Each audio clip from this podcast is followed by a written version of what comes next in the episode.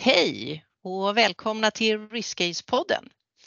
I den här podden så pratar vi ju om nyttan med ägna tid åt riskhantering och hur riskhantering, om det är jämfört eller genomfört på ett bra sätt, kan bli både enkelt och roligt. Vi tänker att den här podden den riktar sig ju till alla som kommer i kontakt med riskhantering oavsett om du har jobbat med området en längre tid eller om du bara söker ny inspiration. Eh, podden är ju också branschoberoende eftersom vi tycker att området eh, med riskhantering inte är olika, eller så här, det är lika i alla olika branscher. Däremot så nischar vi in oss på olika riskområden och i vissa avsnitt, precis som det här avsnittet, så bjuder vi in gäster som är liksom framstående eller har tankar eller vill bolla idéer. Eh, jag heter Kristina Eriksson och jag brinner ju för att göra riskhantering till något som gör verkligen nytta i en organisation. Jag brukar kalla det för riskbaserad verksamhetsutveckling eftersom jag tycker att det är det det är. Och idag så sitter jag här med Jan Åslund. Välkommen hit Janne! Ja men tack så mycket och kul att få vara här. Härligt! Eh, du är ju aktiv och verksamhet, är verksam inom två ganska olika områden. Jag tycker båda är superspännande eller eh, ett är superspännande och ett är jag själv verksam i, så kanske vi kan säga. Eh, du jobbar ju både i sjöräddningen och i finansbranschen. Mm. Eh, jag tänker så här att det skulle vara kul att jämföra lite för det finns ju eh, Eh, starkt risktänk i båda de här områdena. Eh, men vi börjar så här, vem är du och vad har du för roll i de här verksamheterna? Just det, eh, ja men vem är jag då? Vi tar rollen, jag tror det blir enklare så. Om vi börjar liksom i bank, försäkring och finans så har jag varit verksam där rätt så länge och också en längre tid på lednings och styrelsenivå. Eh, och det här med risker, eh, och det tror jag det vi kommer att prata om idag, faktiskt hantering av riskerna när de inträffar eh, också har ju varit en, liksom en, pågående saga i den branschen. Alltså, nu tänker jag tillbaks lite på makrorisker som Asienkrisen, 9-11, finanskrisen liksom som inträffar och påverkar hela marknader och aktörer i marknaderna. Så där har jag liksom fått vara med och hantera och det kommer jag komma tillbaks till. Jag har suttit både i del av en storbank i kris och riskhanteringsarbetet men också på en nischbank. Eh, det andra benet som du tyckte var lite mer spännande då. ja, sorry. Ja, ja. Eh, sjöräddning, där har jag egentligen två äh, ingångar. Dels är jag verksam som frivillig sjöräddare inom Sjöräddningssällskapet, så jag donerar min tid dit. Och där är jag också befälhavare på en av våra sjöräddningsenheter. Eh, men i tillägg till det så har jag också ett uppdrag på Sjöfartsverket att eh, vara verksam som instruktör på Flyg och sjöräddningsskolan på Arkö där vi utbildar eh, svenska myndigheter och aktörer inom sjöräddning. Och, så det är väl liksom min inflygning på det här. Och på båda de här så tänker jag kanske att det lite mer fokus på vad, hur gör vi när riskerna liksom blommar upp och vad, vad tänker vi på och vad är utmaningarna? Mm. Just det. Och jag som mer där amatörbåtägare eller vad jag ska mm. säga är bara oerhört tacksam över att ni finns och vi har, jag erkänner, vi var tvungna att ringa i ett tillfälle när en styrvajer gick av. Ja, man ska, ja, man ska ringa, vi... det här kommer det är ett bra tema för man är precis där som egentligen i, i vår liksom, professionella, andra professionella del i finansbranschen. Det är bättre att agera tidigare än senare och det är typiskt sett någonting som är genomgående att vi vi reagerar eh, ibland som person men framförallt som organisationer lite sent på skeendena när de inträffar vilket gör att vi får ett uppdrag att försöka hinna ikapp eh, på vad som har hänt. Så att, ju förr desto bättre är väl liksom en, ett medskick. Hinna, i, hinna ikapp Sabull när klipporna ja. närmade sig och vi inte mm. hade någon styrning. Mm. Eh, men om man tänker då inom sjöräddningen, där har ni mm. ofta akuta liksom, insatser. Hur kommer mm. risktänket in då när ni är i ett akut läge? Alltså vi tänker ju inte på dem, de är akuta i den bemärkelsen att de inträffar och, att vi är i dem just vid det tillfället. Men, men eh, det är ju vad vi gör, så det är liksom inte akut i den bemärkelsen att, att det är någonting extraordinärt som uppstår, eh, utan det är ju faktiskt vad vi sysslar med. Men säkerhetstänk i det skedet handlar ju mycket om att eh, balansera vår egen säkerhet mot det uppdraget vi har, vilket ju också faktiskt enligt lag och sjölagen och räddningslagen eh, gör, måste göra en ganska kraftfull insats för att rädda liv till sjöss. Eh, och då som befälhavare så måste man då både tänka på var går gränserna för båt, för besättning, eh, för egen säkerhet. Eh, så att eh, mitt mål är ju alltid att se till att jag har hela besättningen välbehållen med mig hem. Eh, det är väl liksom ett, ett grundläggande mål. Så vi tänker i första hand mycket egen säkerhet eh, i de skeendena. Sen har vi ju då eh, det vi faktiskt ska genomföra, eh, antingen rädda någon, rädda lite sjöss eller, eller hjälpa någon med ambulanstransport eller någonting och då ingår ju så att säga en planering eh, under framfarten. hur gör vi? Hur agerar vi?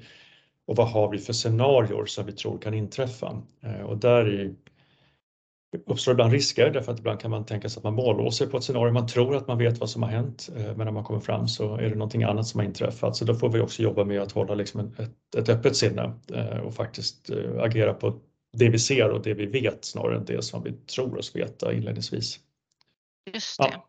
Är det mm. någon särskild liksom, metod som ni har inom sjöräddningen eller är det där något man tränar eller hur, hur liksom lägger ni upp jobbet? Ja, alltså eh, vi tar tänker, vi börjar, vi, vi tar en larmkedja igenom.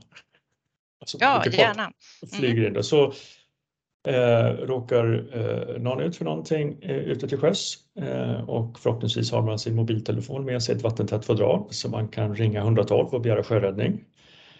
Eh, och då kommer man till sjöräddningscentralen i Göteborg eh, och de gör då en bedömning om det här är eh, ett, ett räddningsärende, så att säga, räddningslagen tänker, eh, träder i kraft och så antar vi att det gör det eh, och då gör de en resursinventering. Eh, där är ju bland annat Sjöräddningssällskapets enheter en del av det men även andra myndigheter, det kan vara Försvarsmakten, Kustbevakningen, Sjöfartsverket själva eh, och, och polisen. Eh, då går det ett larm ut och då bemannar vi båtarna och när vi gör det så gör vi väl egentligen två saker inledningsvis. Det ena är att checka av var har vi dagsformen på oss själva idag? Alltså vilka är på, vilka är, har kanske haft en jobbig dag och lite så. Bara för att vi ska veta vad vi har lite för kapacitet ombord. Och det är ingen Recension, alla har bra och dåliga dagar. Det är bara att vi behöver veta liksom, var, var är jag någonstans. Då vi brukar kalla att man är grön, gul eller röd den dagen. Man behöver egentligen inte förklara sig så mycket. Sen gör vi en brief eh, och det är vad vi kallar för gemensam lägesbild. Vi börjar med det. Det här är informationen vi har fått ifrån centralen, antingen via ett digitalt larm eller via samtal. Eh, och sen påbörjas liksom planeringen för framför, framfarten mot eh, enhet och där under den framfarten så kan vi också börja planera för själva insatsen. Eh, om det då är räddning av folk i vattnet eller om det är hjärtstopp på någon ö eller vad det kan vara för någonting så förbereder vi utrustningen. Så att det är check-in på oss själva, eh, gemensam lägesbild och planering för uppdraget då, men fortfarande hålla ett öppet sinne. Ja, otroligt mm. samtidigt, för ni har ju en otrolig bredd som ni måste måste klara av. Som du säger, allt ifrån livräddande, liksom, jag har mest tänkt på den här sjö, sjöräddningsbiten, fartyg mm. som är illa, men ni åker mm. ju även på andra grejer, alltså hjärtstopp och ja, vad det nu kan vara. Ja, och det, mm. och det gör vi ju i lite större, ja, det är en annan sak egentligen, det gör vi i lite större utsträckning eftersom eh, till exempel i region eh, Stockholm då, så är vi en del av larmkedjan hos SOS eh, Larmbordet också. Mm. Mm. Så vi mm. samverkar ju med andra myndigheter och det är väl eh, en egen liten diskussion vi kan ha just kring vad utmaningarna är eh, när sådana här saker inträffar. För det ser man ju både, nu gör jag en utvikning till finansbranschen då, men om vi tar mm. ett, ett haveri till exempel på betalinfrastrukturen som är typiskt ett sådant FSBOs scenario så är ju det man behöver träna på där är ju samverkan mellan aktörer och mellan och både privata aktörer och myndigheter och så är faktiskt också Sveriges sjöräddningsorganisation uppbyggd. Det finns egentligen bara en, en organisation som har till heltidsuppdrag att rädda liv till sjöss och det är sjöräddningshelikoptrarna som drivs av Sjöfartsverket. Alla andra, både Sjöräddningssällskapet fokuserar ju på det men består ju av frivilliga så vi har ju andra jobb. Eh, Försvarsmakten, Kustbevakningen och Sjöpolisen har ju också andra uppdrag och så därför är ju samverkan med andra aktörer en viktig del av att kunna lösa uppdragen. Eh, mm. Där ser jag en ganska stor likhet mellan de här två. Lite Just otippat. Mm. Ja men verkligen och Mm. FSPO som du hänvisar till det är ju Mhm. det samverkansorgan som finns inom Mm. finansbranschen för er som är i en annan bransch eh, som gör att man på grund av att man sitter ihop eh, har eh, tränat på att jobba ihop Mm. när det blir riktigt Mm. akut. Eh, det Mm. tycker jag är superspännande och ett föredöme och då finns det Mm. med andra ord samma tänk eller kanske kommer från räddningstjänsten, vem vet? Men om vi Mm. skulle eh, dra en parallell då med jobbet Mm. i finansbranschen. Vad tycker Mm. du liksom? Hur applicerar du det här tänket du har med dig från sjöräddningen eller hur jobbar man? Likheter, skillnader? Alltså skillnaderna är ju på ett plan att i finansbranschen hanterar vi ofta i de här skedena ganska stora värden, alltså antingen kundvärden eller egna värden, alltså det är betalningar eller tillgångsvärden eller funktionalitet. Mm. Ehm, medan i sjöräddningen så är det ju ofta fara för skada, alltså personskada eller liv. Eh, så det, de skiljer sig i någon bemärkelse liksom i den delen. Ehm, men det jag har reflekterat över när jag har suttit både med, med instruktörsarbetet på Arke men även i våra egna delar och sen i, i, i olika typer av incident eller krishantering är ju just eh, likheterna, liksom vikten av att ha en gemensam lägesbild, vikten av kommunikation. Ehm, Eh, och i min erfarenhet, och det kan bero på att ja, så, så är det liksom kommunikation till intressenter och de som behöver veta oftast det som bryter ihop först. Kanske. Ja, Ja, jag tror många eh, känner det- igen sig. Man kan aldrig få nog med kommunikation heller Ja, jag, om finns- man, man sitter utanför krisen. Ja, Ja, precis. Mm. Precis. Ehm, Så det, det är ju det. Och sen så tror jag att det handlar också om att orka organisera upp arbetet, att inte liksom drabbas av tunnelseende och springa in i en insats oavsett det är på sjöräddningen eller att det är en incident i finansbranschen. Att man liksom stannar upp, organiserar och arbetsfördelar. Eh, Och det är också generiska saker som, som man har vikt av. Och det, det där låter ju liksom enkelt och rationellt. Eh, Men, men alla drabbas ju någonstans av ett stresspåslag när, när sånt som man inte har förväntat sig inträffa och då blir det här lite svårare. Då behöver man ibland stanna upp och liksom tänka, har vi, har vi organiserat oss rätt? Har vi rätt personer på rätt plats? Vet vi vilka vi behöver ha på banan?